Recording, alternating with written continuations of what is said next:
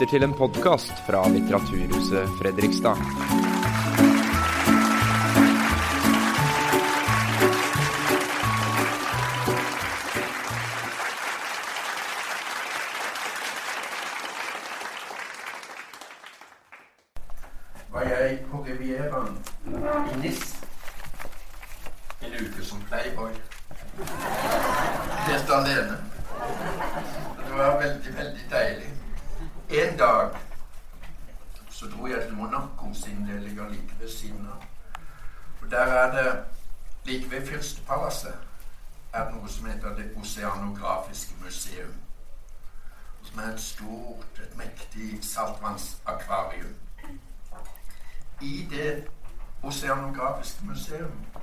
Så er det en sal.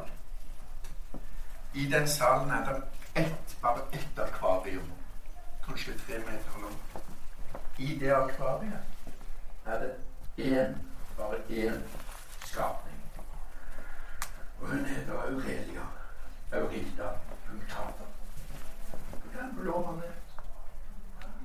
Ufattelig vakker, koboltaktig blå transparent med hvite prikker på. Derfor punctata. Og hun Så stor kan jeg tenke meg. Og hun er her. Sammentrekning. Skyter frem som en pil, en meter kanskje. Drives tilbake av motstrøm. Ny kontraksjon. Fram som en pil. Drives tilbake til start. Ny sammentrekning. Fram, tilbake. Sånn er Aurelias liv. Er det noen som kjenner seg igjen?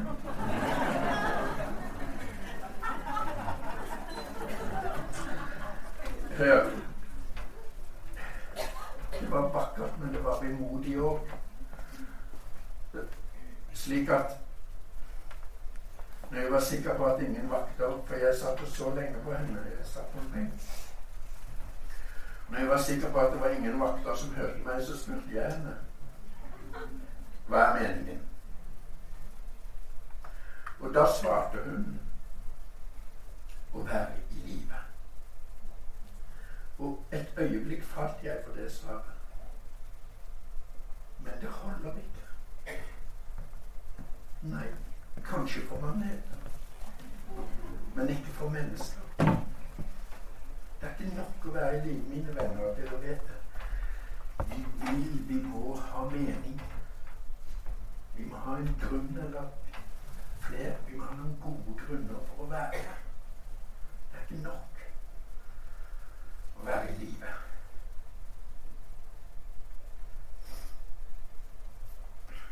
Og jeg begynner med det fordi altså, jeg ble jo så glad og stolt når jeg ser at her kommer 306. Og dere også. 330 for å høre på. Så det gir meg mening. Så det skal dere ha tusen, tusen takk for. Nå, det jeg egentlig hadde tenkt å begynne med å spørre om, det er i Fredrikstad og rundt omkring har dere begynt med tavegjenkjenningssystemer. Har dere hørt om det? Mm. Ja, bare vent, det kommer. Altså Oslo universitetssykehus. Der bruker de det nå. Tallgjenkjenningssystem, legen dikterer. Før var det et menneske som satt og hørte på og skrev. ikke sant? Uh, men nå er det datamaskinen selv. Tar ordene fra munnen, pang rett inn på skjermen. Uten noe mellommenneske. De har blitt veldig presise. Men av og til, ikke, ikke, ikke ofte, en sjelden gang, men det kan være så grusomt at du må lese korrektur, for av og til skjer det feil. Og sist jeg var der, var kontroll på Torats kirurgisk avdeling på Ullevål sykehus for et par uker siden. Og kirurgen min han kom da rett fra lunsj, som han hadde spist sammen med en kollega på Kvinneknikken. Den legen på Kvinneknikken kom til lunsj rød i toppen og ganske ute av seg. For han hadde korrektur på et journalnotat han hadde diktert dagen før. Og der sto det altså Etter samleie med legen Så det er verre, det er verre. Hør. Etter samleie med legen har pasienten bestemt seg for å fjerne livmoren.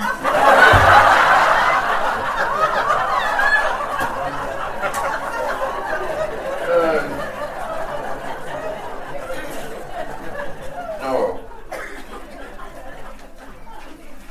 Det var det ene jeg skulle si først.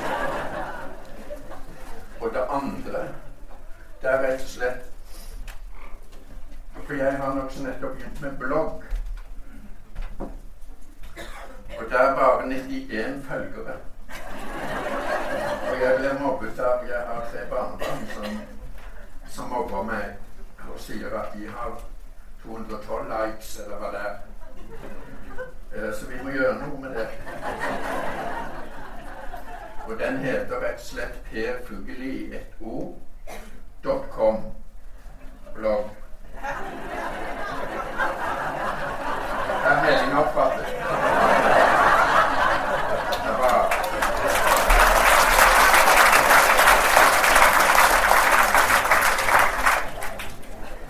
Så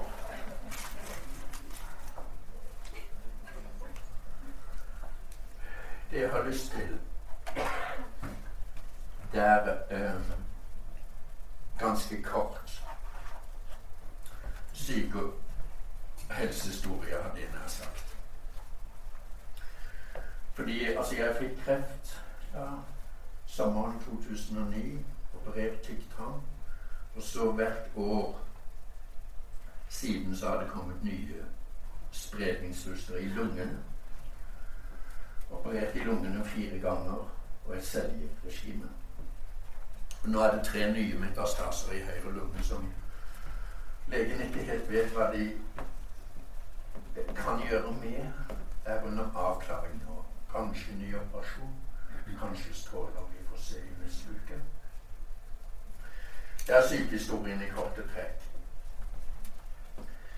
Og det jeg vil bruke den timen til, det er ikke bare å snakke om døden, men jeg skal si litt først, kort, om hvordan jeg har blitt møtt som syk. Og så skal jeg si noe om og Det syns jeg er så viktig å få frem.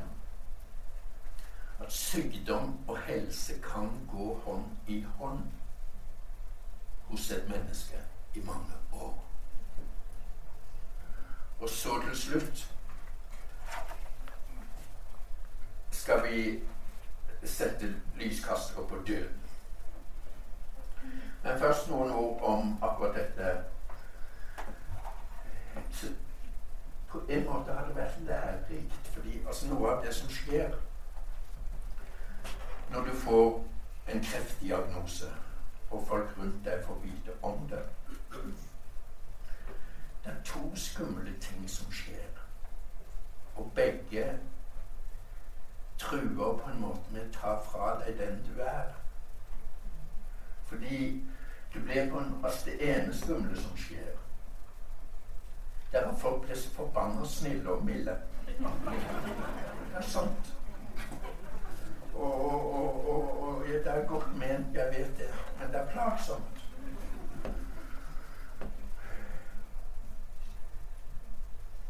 Og det blir veldig sånn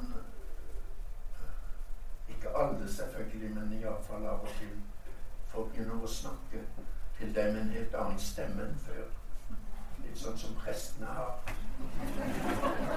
Ja, litt fløyelsaktig. De ser på deg lenger enn før.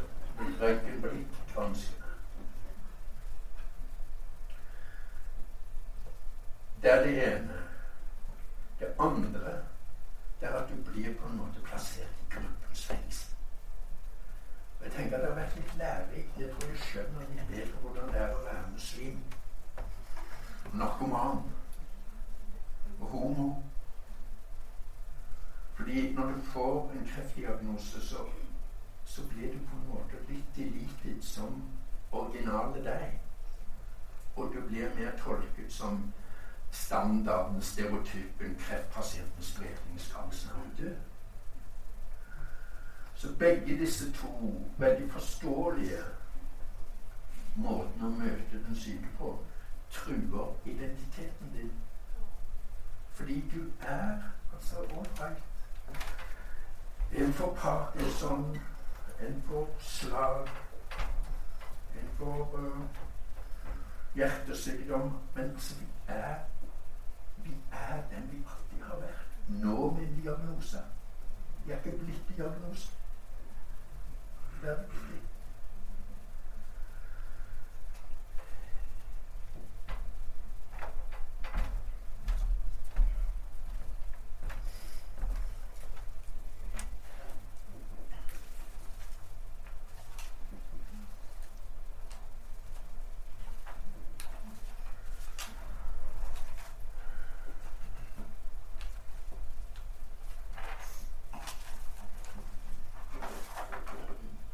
Dere huske, begynner, bruker dere huskelapper? Er det sant? Alle?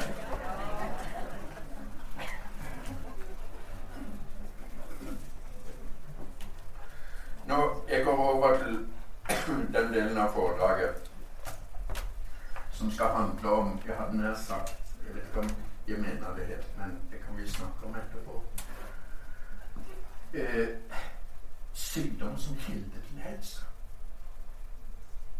Eller iallfall helse og sykdom hånd i hånd, ånd i ånd hos et menneske i seks år. Det går an. Og for å det Dette er livets ligning.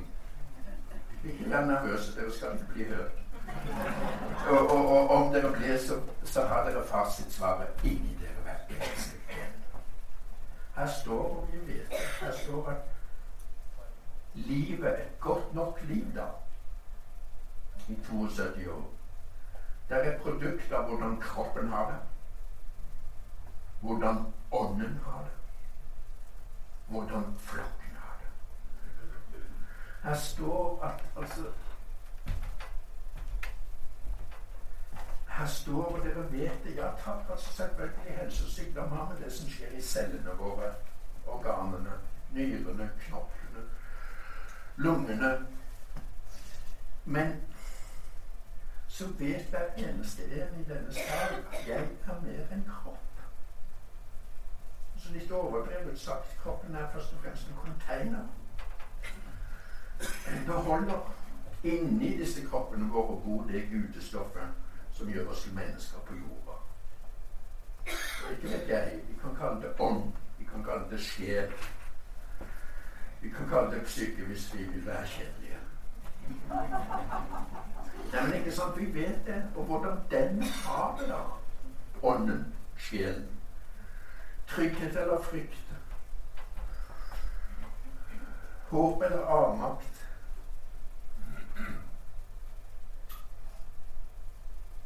Glede eller, eller tristhet. Altså Dette bestemmer jo livet, livskvaliteten og helsa vår like mye som molekylene. Og så flokk må være med, fordi vi lever ikke Vi er ikke encellede dyr. Vi lever ikke i enerom. Og hvordan du har det med eller uten kreft, det kommer an på hvordan du har det med flokken din hvordan du danser med flokken din. Ikke sant? Det skal som en opptak til til, til disse tankene om helse og sykdom som siamesiske tvillinger på en måte i et liv, som jeg skal snakke om nå. Bare som en opptakt så skal jeg lese noen sitater fra denne sitatboken.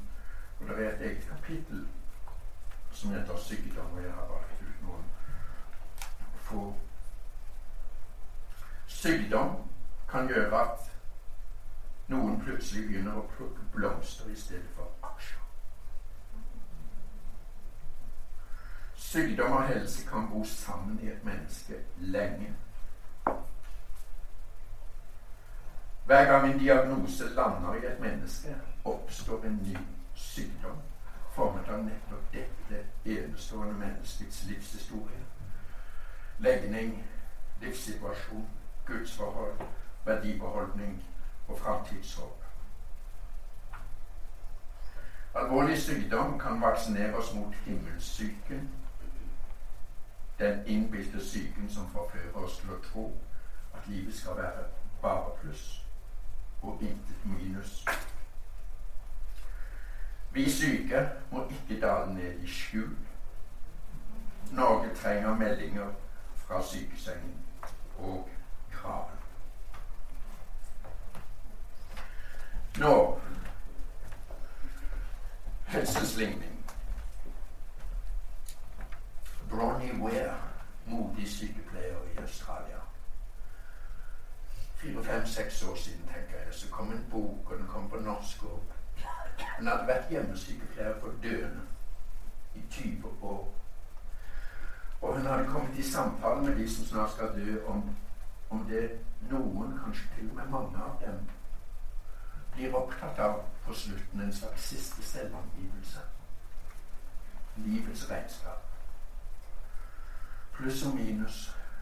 Anger og stolthet. Og så skrev han denne boken hvor han samler funnene fra samtalen med de døde. Og den heter The Five Top Regrets of the Dying. Og jeg leste den og, og ble inspirert på en måte. Ikke altså og det er kanskje litt avslørende, men jeg ble ikke veldig opptatt av å lete etter ting jeg angret på. Men likevel inspirert av Ronny Wares bok til en annen nysgjerrighet, nemlig Hva er det som har gitt meg et godt nok liv? The bright sides of life. Det er dark sides også.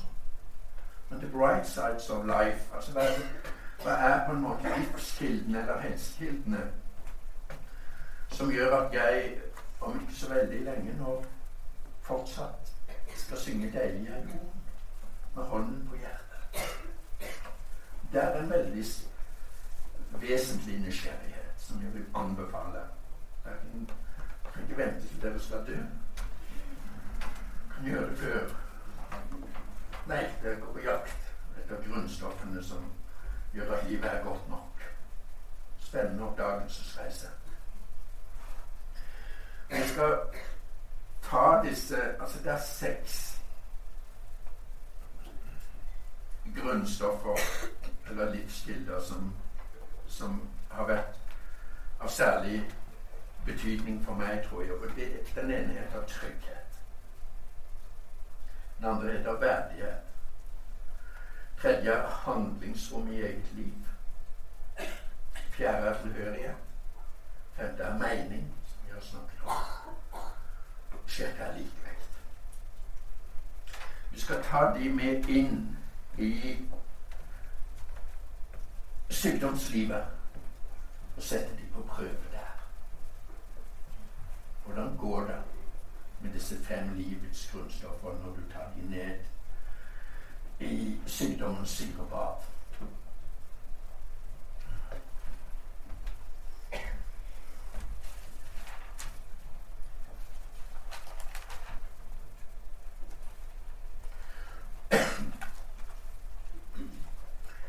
Nummer én, og det høres gåtefullt ut Nummer én er trygghet, ikke sant? Og hva gjør sykdom med denne helsekilden? Trygghet. Jo, selvfølgelig innimellom så kan jeg skjelve. Men jeg er veldig, veldig sikker på at disse seks årene med kreft som kommer og går Det høres sannsynligvis sprøtt ut. Men jeg er veldig sikker på inni meg at disse seks årene med kreft som kommer og går Jeg tror aldri jeg har vært tryggere i livet. Er ikke det mystisk?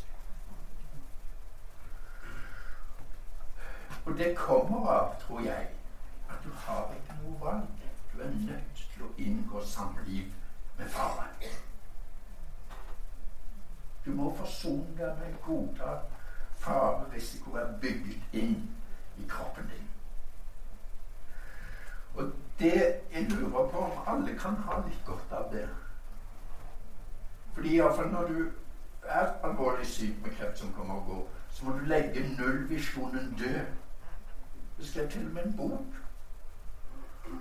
om nullvisjonen for noen år siden. Og, og, og, og, det er mye bra med den, men jeg tror den plager oss også. Hvis vi med, null, nullvisjon mener at for å være trygge, så må vi ha null risiko. Men da blir vi evig redde. Fordi det går ikke an. Dette er ikke gjennomførbart. Det er i det menneskelige prosjekt til alle tider vil alltid være bygget inn en mulighet for at det forferdelige kan skje. Og da må vi selvfølgelig prøve å forebygge og beskytte oss, men med mål. Vi må prøve å forebygge og beskytte oss hen mot null risiko. For da blir livet et eneste beskyttelsesprosjekt. Og samfunnet blir en borg. Så jeg syns det har vært lærerikt å, å, å, å, se på akkurat denne helsekilden trygghet. Og innse at trygghet får du først når du er et stykke på vei inngår samliv med fare. Jeg tror det er å anbefale også til de friske.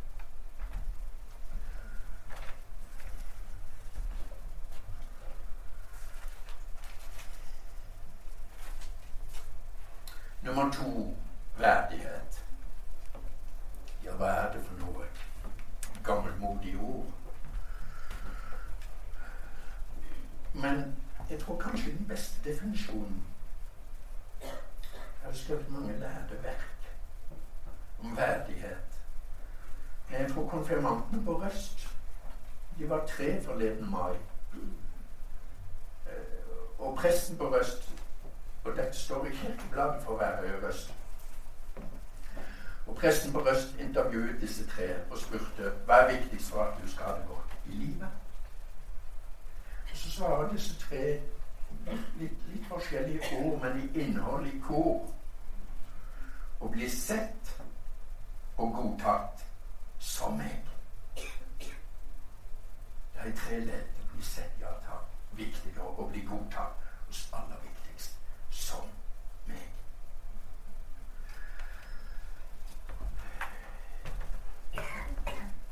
Og da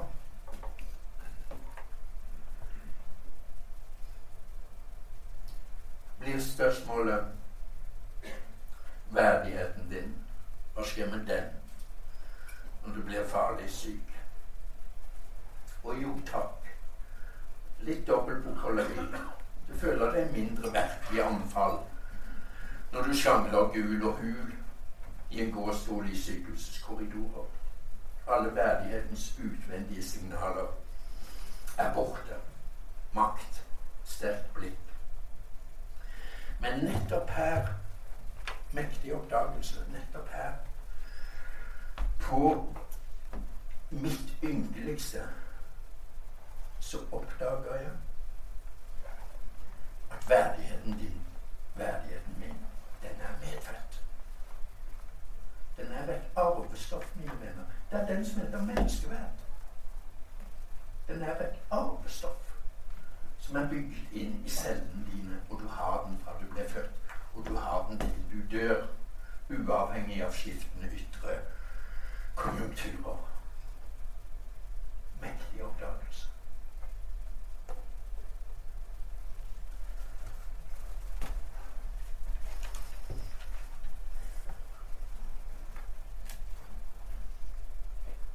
Neste helsekilde dere husker handlingsrom i eget liv. Å være i røst vil de sagt. For å ha det godt, enten du er frisk eller syk, så må du et stykke på vei for å være høvedsmann, høvedskvinne i eget liv. Vi kjenner oss igjen. ikke sant? Kan, det er mulig å ha et godt nok liv hvis du er under overkommando. I samliv, i arbeidsliv, i samfunn. Må ha en rimelig mulighet til å være deg selv. Bevege deg mot mål som er vesentlige for deg. handlingsrom i eget liv. Frank Sinatra, dere husker 'Do it my way'. Ikke sant? Og, og Shakespeare i Hamlet.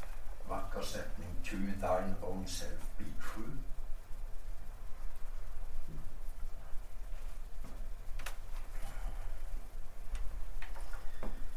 det er interessant fordi Bronnie Wayne nemlig Overraskende, syns jeg. Spennende. Altså, hun skrev denne boken 'De fem tingene de døde angrer mest på'. Og nummer én, vet dere hva det var? Det var jeg skulle hatt mer mot til å være meg selv. Han, han, han. Selvstendighetsmot.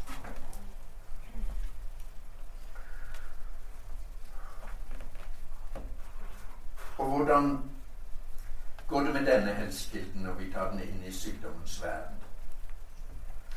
Ja, på ny, dere, er det liksom dobbelt dobbeltbokholderi. Det er både skummelt og flott. Og det er flott på én måte, selv om det kan være plagsomt, tror jeg. For omgivelsene, men altså når du blir farlig syk og av og til tror du nærmer deg dødens posisjon, så blir du mer brutalt deg selv. Du blir mer uh, ærlig naken den du er. Du mister litt masker. Du mister diplomati. Du mister pynt. Så du blir mer ditt eget grunnstoff. Det er noe fint ved det.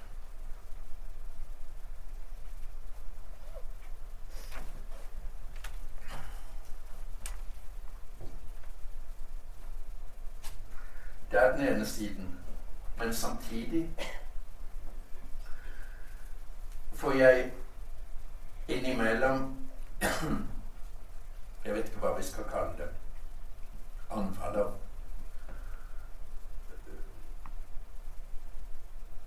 truet identitet. Selvoppløsning. Og det er en skummel oppdagelse, dette er ikke utrolig.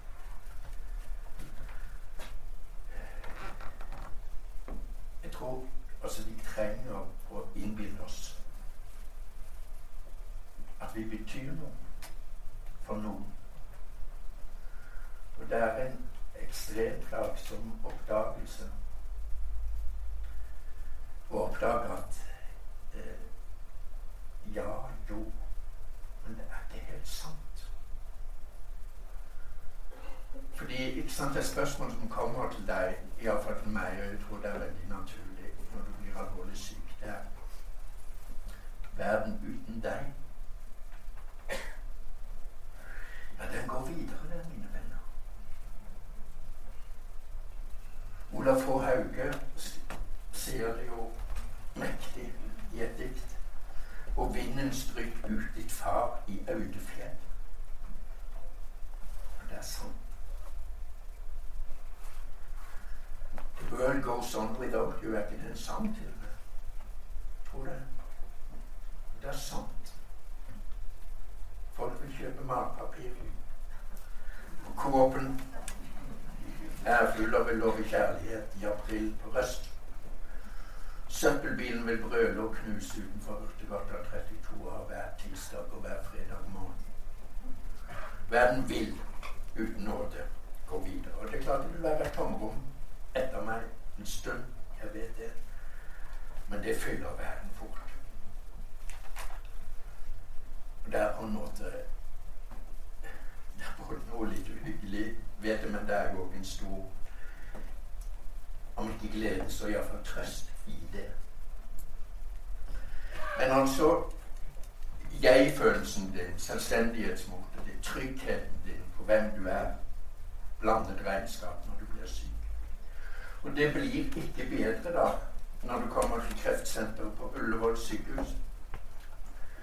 Til kontroll skal til doktor Brenningen.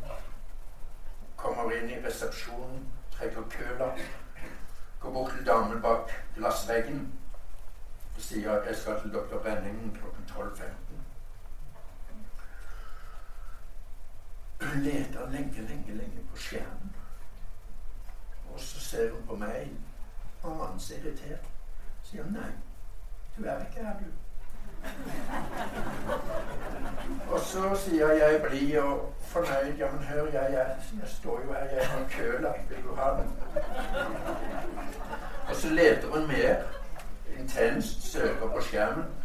Og så nå denne gang åpenbart irritert, sier hun enda mer bestemt nei, du er ikke her.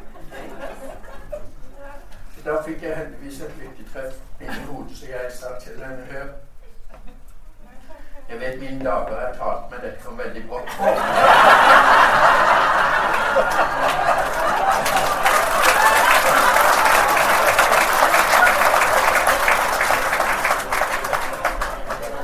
Ja, han må ta igjen.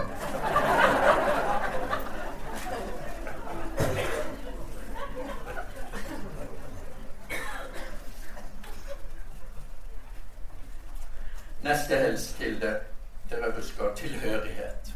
Mm, der er vi ved flokken, opphøyd i potens. Ikke sant?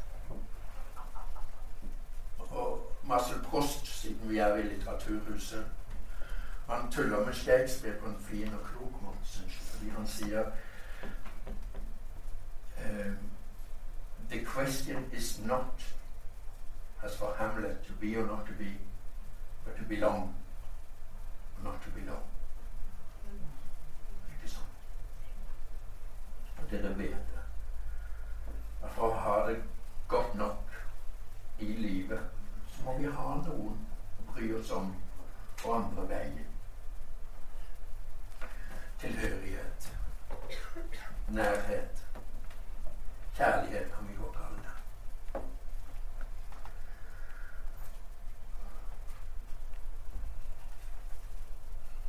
Og det er igjen et blandet regnskap. Altså, jeg har vært flaks jeg kommer til det. Men altså, det er ikke til å komme forbi, tror jeg. Det er viktig å vite dette. At når mennesker nærmer seg døden, så blir du mer og mer den ensomme rytter. Jeg tror det er naturlig. Det betyr ikke at du forlater flokken, nei. Men likevel det, du, du blir mer og mer et ett-tall. Det er et ett-tall som dør. Samtidig som, og det har jeg snakket med medpasienter om også, tror det gjelder mange, at bølgelengden i de du er glad i, de blir sterkere mot slutten. Eksempel fra eget liv da vi de ungene og barnebarna våre bor i Bergen. Vi var der for et par år siden for å feire en bursdag. Og jeg skulle Diego, han var ti år da. Jeg skulle få låne hans rom. Så vi var der inne og, og la på nytt sengetøy. Og under puten hans var det en veldig fin, slipt rød stein. Så sa jeg til Diego for en fin stein. Så sa Diego det er en beskyttelsesstein.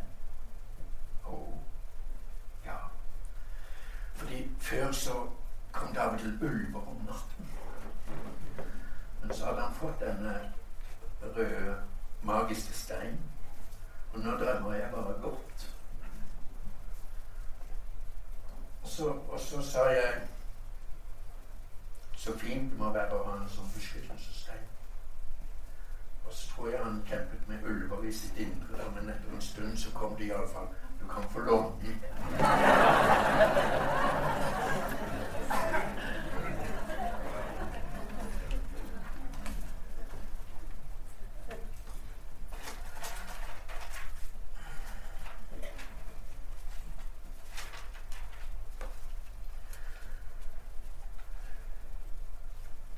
Femte livets grunnstoff på prøve i sykdom.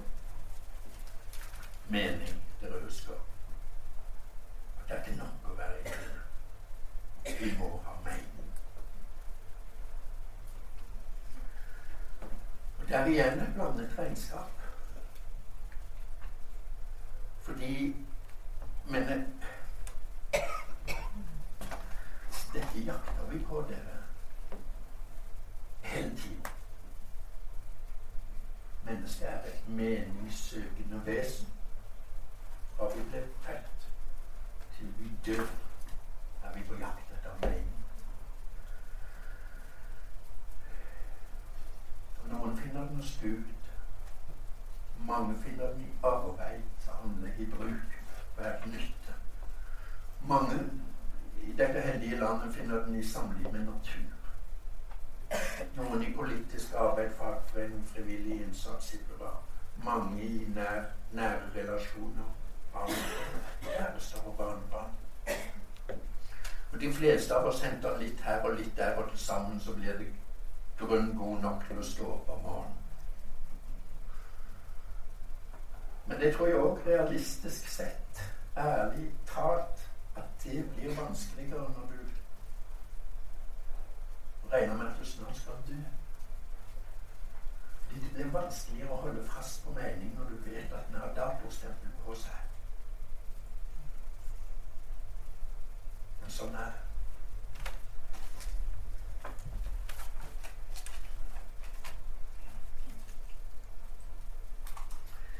Siste helsekilde på prøve i sykdomsverden likevekt. Og da eh, Det er ikke meg som har funnet opp det. Dette er jo ikke sant. Altså, Gå til alle de gamle visdomsskriftene på jord. Gå til buddhaskriftene. Gå til de kristne filosofene to, to og et halvt tusen år siden. Gå til Koranen, klok bok. Og Bibelen, klok bok. Altså gå til alle, alle disse gamle, gamle reseptene som guder og profeter og tenkere har gitt oss som veiledning et nanosekund vi er på kloden. Det er ett ord dere som ruller som et ekko gjennom disse tekstene, og det er ordet likevekt. Balanse. Harmoni. Ekvilibrium. Det de sier til oss, er at for å ha et godt nok liv mens dere er her, så må du finne en klok likevekt mellom ærgjerrighet og virkelighet. Mellom forventning og det det går an å få til på en onsdag. Mellom arbeid og hvile. Mellom plikt og lek. I stedet for å legge målene så langt bort aldri når det. Og løper på melkesyre og får sure og stive liv.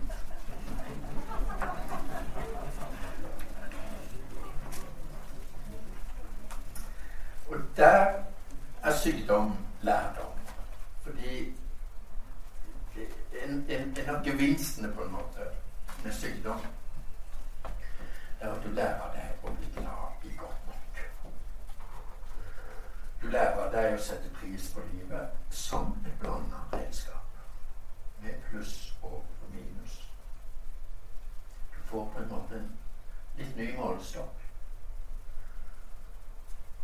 Det er en veldig fin setning. Det er en italiensk forfatter, Camilla Paglia, som sier et sted vi må godta vår smerte, forandre på det vi kan, leve. Og det var en, en medpasient i ikke sant, En av de få Gud, det er så trist å ligge på sykehus. Dere vet det. Det er som å være i en ørken. Men en av, en av de få gledene du har der, det er å ligge og tyvlytte på medpasienten når han får besøk. Sist jeg var på tobakkskirurgisk avdeling på, på Ullevål i februar i fjor, så lå jeg på tomannsrom sammen med en veldig veldig tapper mann som var fra et sted høyt oppe i Gudbrandsdalen. Noen 60 eller noe. I fire måneder hadde han ligget på sykehus. Han hadde kommet inn for å operere feil på en hjerteklaff. Så var det blitt forviklinger. Ikke, ikke sånn som skjer. Ingen, ikke noe legefeil eller sykehustap, men som skjer. Vanskelig. Var blitt trøbbel. Komplikasjoner. To ganger hadde han vært nesten død. Uh, så det har vært tøffe tider. Men nå var kommet til en vendepunkt, så nå var han i bedring. Glad. får han besøk av kona. Og så med en gang begynner hun å fortelle veldig ivrig om den store snakkisen i denne bygden oppe i Gudbrandsdalen. Hun hadde med lokalavisen også. Det var bilde. Fordi naboen hadde altså fått en elg inn i hagen. Og så hadde han nesten blitt så sint eller så redd at han hadde skutt den. Og bygden var litt delt i to. Og, og dette fortalte han veldig ivrig da. Også når han var ferdig med denne dramatiske fortellingen, så sa medpasienten min Du Haldis, jeg synes egentlig litt synd i på dem som ikke har opplevd noe verre her i livet enn elg i hagen.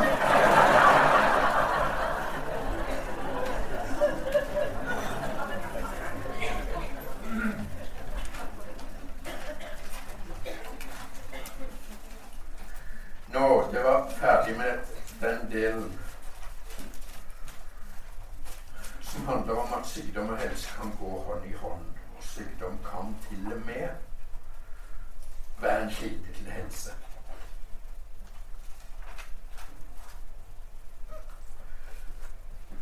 Og hva kommer til slutt? Døden. The end. Jeg skal begynne denne siste delen om døden med å lese noen sitater, for døden har også et kapittel i denne sitaten. Jeg skal lese noen utvalgte sitater bare som en slags opptak. Nær døden faller maskene av, og det sårbare mennesket uten rakettskjold blir synlig. Tanken på døden kan få oss til å undersøke om vi sløser med livet. Vi kommer til jorden. Med livets hastighet går vi mot døden. På vei mot døden blir du den ensomme rytter. Hvis du har vært et myndig menneske på jorda, skal du for faen føre i siste dans også.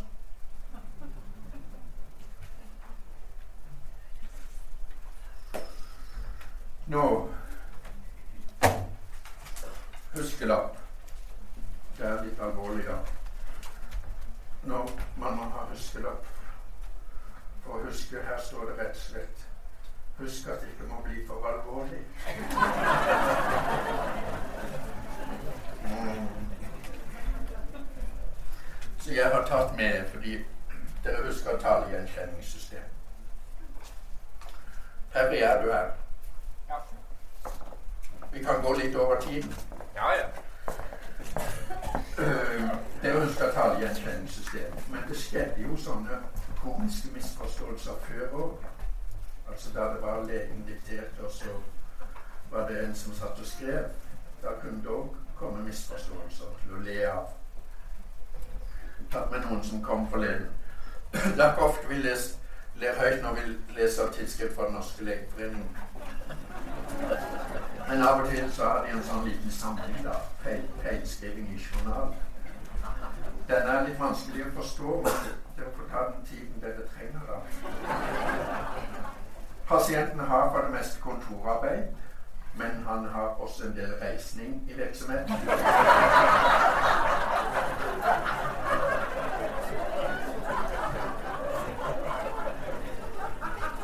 I Stavanger tar dette lang tid.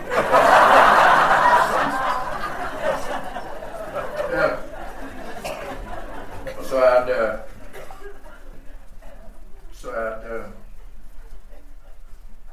eh, Pasientens venstre stortå har nesten løsnet. Personalet får dog ikke ta den av da det gjør vondt. Jeg er ikke sikker på at det er feilskriving. Men så Hvor er vi i tredje etasje? Ja, ja. Det var nå godt at det ikke stemmer med oss, da. Men det står i en journal avføringen av samme farge som dørene i tredje etasje.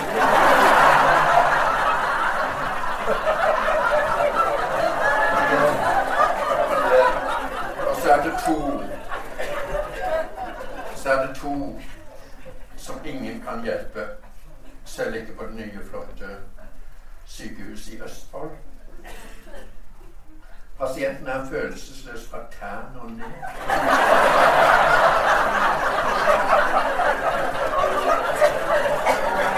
Og enda verre, enda verre.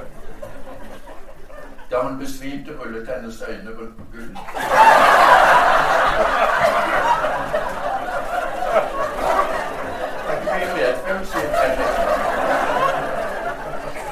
Og den siste, den siste pasienten skal trene i basseng.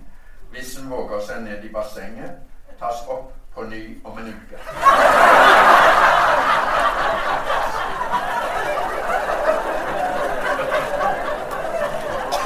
Nei. Nok tøys. Nok tøys. Det er døden. Og det Jeg har lyst til det rett og slett å sette litt, litt som i forrige avdeling av dette foredraget. Helse og sykdom. Og ja, vi gjør det med døden òg. Vise at det er ikke bare gru. Det er ikke bare styggen og mannen med ljåen. Ja takk. Dypt, dypt, dypt, dypt, dypt, dypt, dypt, dypt uønsket så lenge du er glad i livet. Men, men igjen, altså Bare skape litt nysgjerrig, nysgjerrighet på at døden også er et blandet regnskap. Det er det jeg skal prøve å vise ganske kort. Og ett lyspunkt Aldri tenkt så mye på det før jeg ble syk selv. Men altså, det er klart at på en måte så er døden livets drivstoff ved å begrense det. Tankeeksperiment. Tenk deg at du skal bli 6300 år. Har du lyst til det?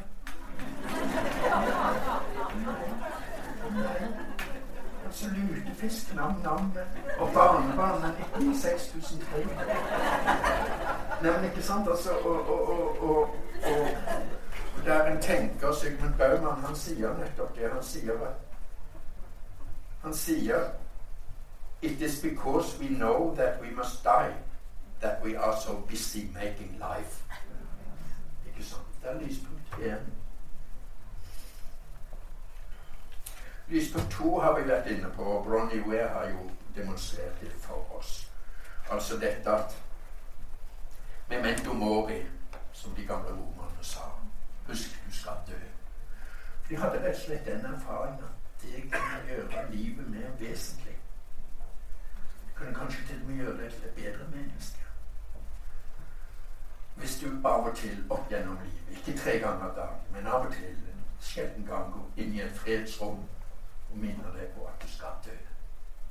Det kan være en kilde til Det kan få deg til å spørre hvorfor står jeg støtter i denne konflikten. Hvorfor sløser jeg meg bort i disse bagatellene? Hvorfor går jeg og tråkker i denne rutinen? Så det, det, det, det, memento, memento mori kan rett og slett være en, en inspirasjon til mer vesentlig liv.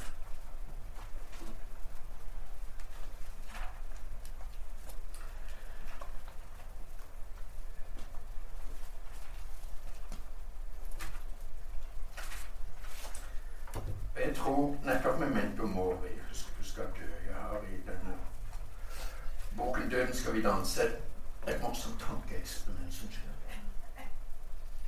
Hvor hun spør meg Hvis vi hadde hva, Hvilken politikk, hvilket samfunn ville vi få hvis vi hadde et storting av døende?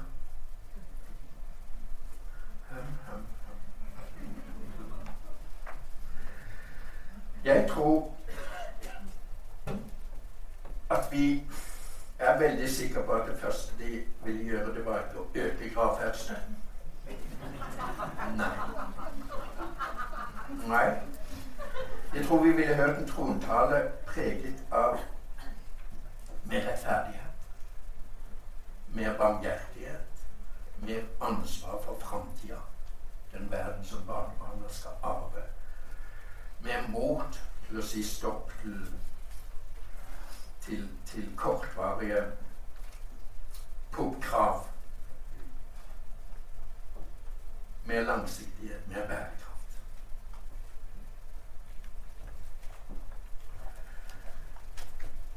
Flere lyspunkt. Ja, det er jo Og igjen samtale med medpasienter. Iallfall for noen ingen tvil. Døden var en venn som de gledet seg til å møte. Fordi døden, var, døden er hvile.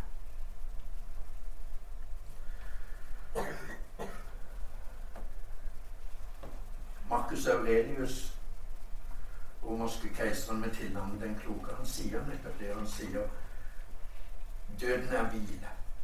Sanseinntrykkene forstyrrer oss ikke mer. Driftene har ikke lenger makt over oss. Tanken har holdt opp. Vi vil gjennomgå alt. Døden er hvile. Og så, vet dere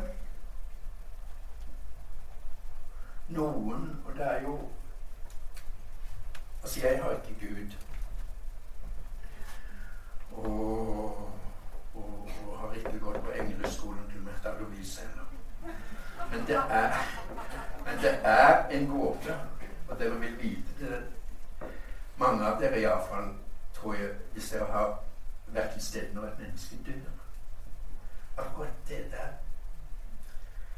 mysteriet nanosekundet der og plutselig så dør et menneske, og så får du en dyp, dyp følelse av at nå ligger kroppen der som en tomt skall.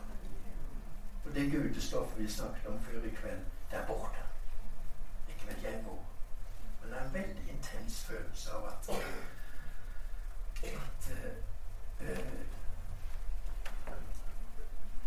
at døden på en måte frigjør ånden eller sjelen. Elisabeth Kybler-Ross som er liksom mor til denne palliasjonsbevegelsen, hun sier det fint. Hun sier å dø er bare å forlate kroppen, som når sommerfuglen kommer ut av puppen. Og så selvfølgelig døden som altså for de som har Gud. Gleden ved å, å glede seg til å komme til himmelen. Og i krigsropet til Frelsesarmeen en nekrolog. Sitat. Det var et varmt hjerte som sluttet å slå. Da XX lørdag 30. april fikk det vi frelsessoldater regner som vår forfremmelse til herlighet. Det er flott.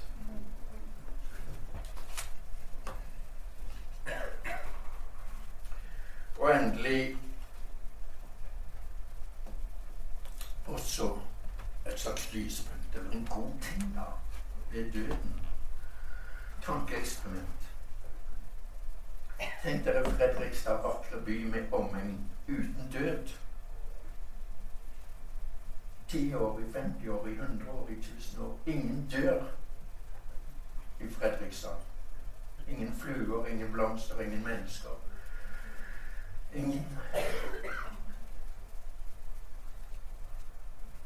Altså, det vil være økologisk katastrofalt. Vi må dø, mine venner, for at nytt liv skal komme. Og Det står til og med i den salmen dere er så glad i, nytt liv av daue gror. Så døden er i dypest sett er døden en økologisk solidaritetshandling.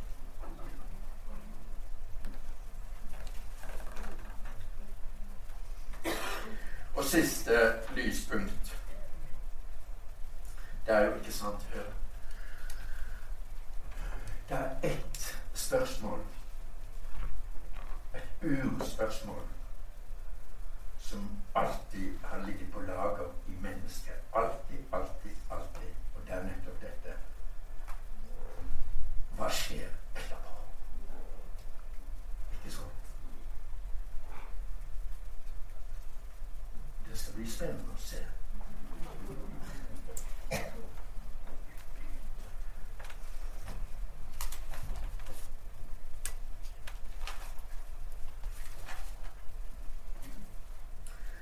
skal slutte med nettopp fordi ikke Gud. Men Men i disse seks årene ikke sant, Det er klart du kommer inn i veldig naturlig kommer du inn i undring etterpå.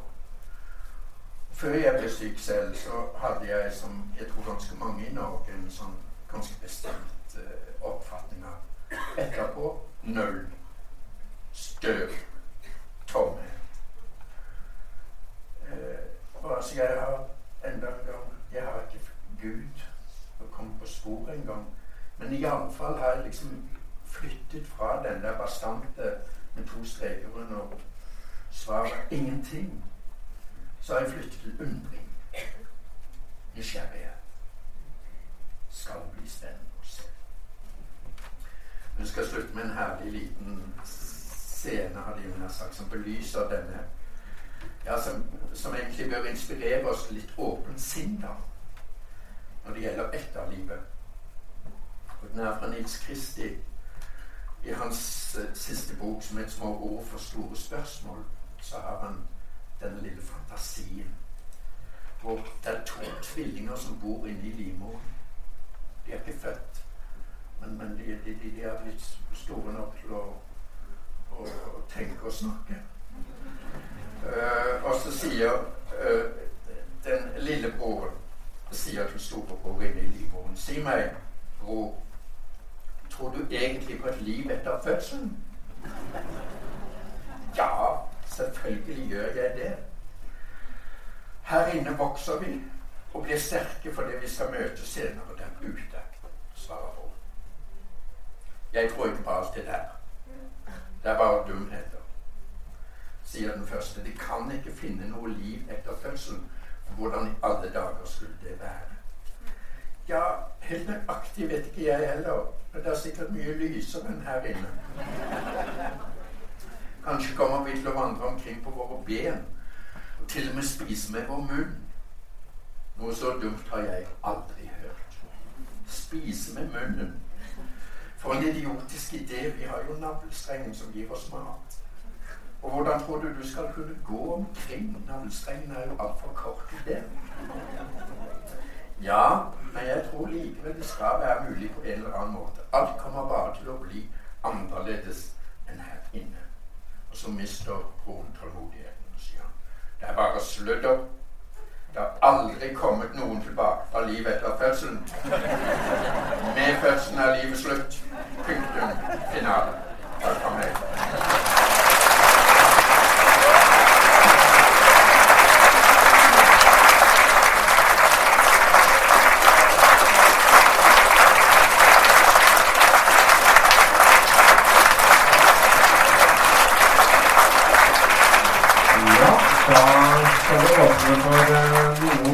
Spørsmål.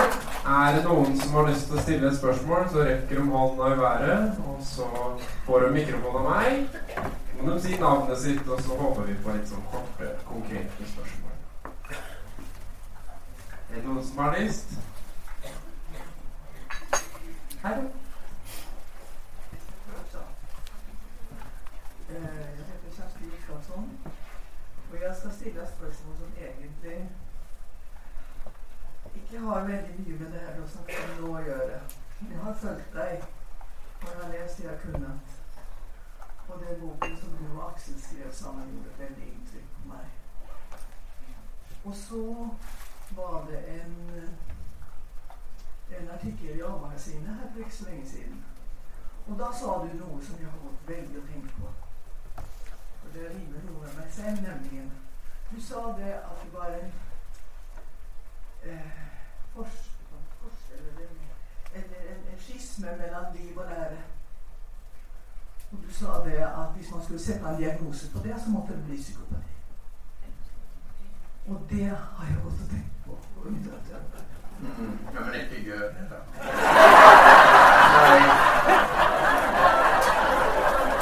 Nei. Nei. men altså det, Jeg skjønner deg jo. Jeg skjønner deg godt, men altså hvis du hvis du kjente meg, så vet du Altså, jeg mangler jo på godt og vondt av og til litt impulskontroll.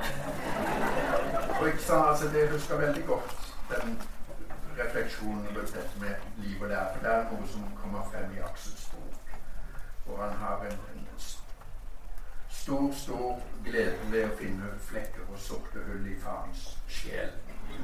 Og, og, og konfrontere meg med at all right, noe tror jeg på som verdier, men så klarer jeg ikke å leve de helt sjøl på en onsdag. Og det tenker jeg at Altså, ja, faen, sånn er livet. Jeg tar meg ikke veldig inn. Altså, jeg klarer ikke å gjøre det til en sånn grusom personlighetssvikt. Så jeg, jeg, altså, det var ikke noen sånn selvdiagnose av psykopati. Det var mer for å, å ha en litt vital ping-pong og samtale med denne frekke journalisten. Tøffe meg litt.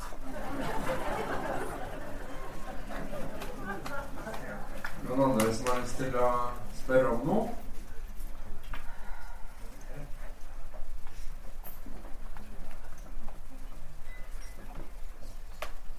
Eh, det Sandra Kleppel. Og jeg bare lurer på eh, om du hadde vært blitt syk i yngre alder, tror du du ville kommet fram til mye av de samme tankene rundt det her med døden? Det er et, et, et essensielt spørsmål. Og jeg tror ikke det. Um, jeg tror det er mye lettere å, å, å liksom se døden, godta døden, uh, inngå samliv med at den kommer når du er gammel. Og ikke minst uh, Jeg tror òg det er lettere å forsone seg med døden hvis du har hatt flakslodd i livet. Ikke sant? Så jeg tror jeg har tenkt ofte på det fordi jeg får av brev og, og, og det kommer folk live òg og snakker om døden. ikke sant? Det, herregud, det er et barn som skal dø, f.eks. Eller det er en mor to-tre år med to barn. Det er klart det blir en helt annen fortolkning.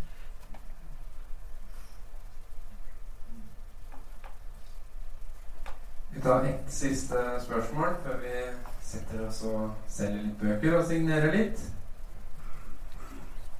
Jeg må vifte litt. Jeg ser ikke, ser ikke alle.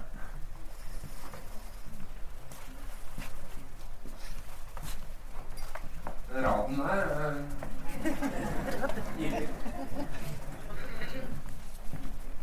Hei. Uh, jeg heter Thomas. Uh, jeg eh, tett på mennesker som, eh, som har det vanskelig. eh, Av ulike grunner. Så jeg jobber med mennesker som har psykiske utfordringer. Eh, Mildere og mer alvorlig grad. Eh, Men eh, det som jeg har satt meg litt sånn eh, Som jeg begynner meg litt om, som du sier noe om, det er jo dette med å være til stede, og, og kanskje også ikke Vi er veldig sånn eh, i dagens samfunn, tror jeg, til å flykte litt. Til å flykte eh, når man opplever smerte eller ubehag. Eh, og nå snakker jeg ikke om nødvendigvis døden, men det kan være andre måter å oppleve et ubehag på som man gjerne ikke vil eh, være i. da. Man vil helst ha en litt fix, kanskje, eller ønske seg vekk. kanskje. Og spesielt fordi det gjelder veldig mange unge i dag. Eh, hva slags betraktninger og hvordan kan man tenke litt rundt det her? Eh, det er fint om du kanskje spør Ja. Er sånn, nå må jeg her fast, kanskje. I det hvordan man kan eh, tenke rundt det, og hvordan man kan bistå Mm. mennesker og sånn. Ja, ja. Det, er eh, Det er eh, Jeg tror det er eh, eh, Sant? Fordi det du ser Det er jo Altså, det er en slags tidsånd som herjer med oss. Den kan vi gjøre noe med. Det er en slags tidsånd som En sånn dobbelt tidsånd på en måte, som på den ene siden sier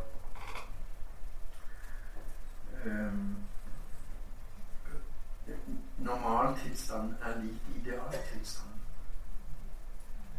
Eh, de hører ikke på Camille Paglia. Må godta vår smerte. Forandre på det vi kan, ja, men så må vi prøve å le av resten. Nei, de vil ha orden på resten også. Og da, altså jeg tror Men dette, min venn, hva er du psykolog? Eller? Ja. Var ikke det snart? Nei, men ikke sant? Altså, jeg tenker at dette er litt vår skyld. Fordi disse tidsåndene de kommer jo ikke opp fra helvete som djevler eller ned fra himmelen som engler. Dette er jo menneskeskapte forestillinger som har med vår Altså Jeg tenker at både medisin og psykologien og alle ekspertsystemene har på en måte skapt litt stormannsgalleforestillinger i folk om at vi nesten er Gud. Og så, så, så, må vi Sånn som de sier på den der GPS-en, altså vi må recalculate. Og, og få folk til å forstå at vi, som vi lærte på søndagsskolen i Stavanger i gamle dager, at vi, vi, vi, vi, er i himmelen, vi er i Jammerland. Det, det, det kan være greit nok.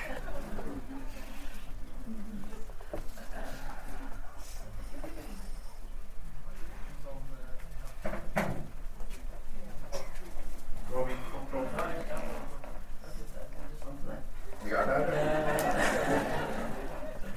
Fordi eh, du var jo litt inne på det, du var jo så vidt inne på det i stad. Vi snakka om eh, Vi er ikke eh, den diagnosen eller Vi er ikke den ka- kategorien, da. Vi er noe mer. Mhm. Eh, og det kan man jo sitte og ha en oppfatning av som en fagperson. Eller liksom en, men når på en måte et helt behandlingsapparat da, har fokus på sykdom Mhm. og diagnosering og behandlingsforløp, Mhm. hva da? Nei, hva da? Tankeeksperiment, du.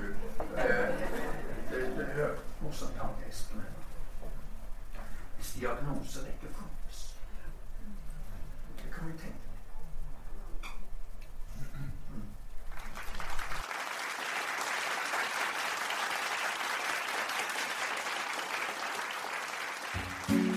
Nå har du hørt en podkast fra Litteraturhuset Fredrikstad. For mer informasjon, klikk deg inn på lytthusfred.no.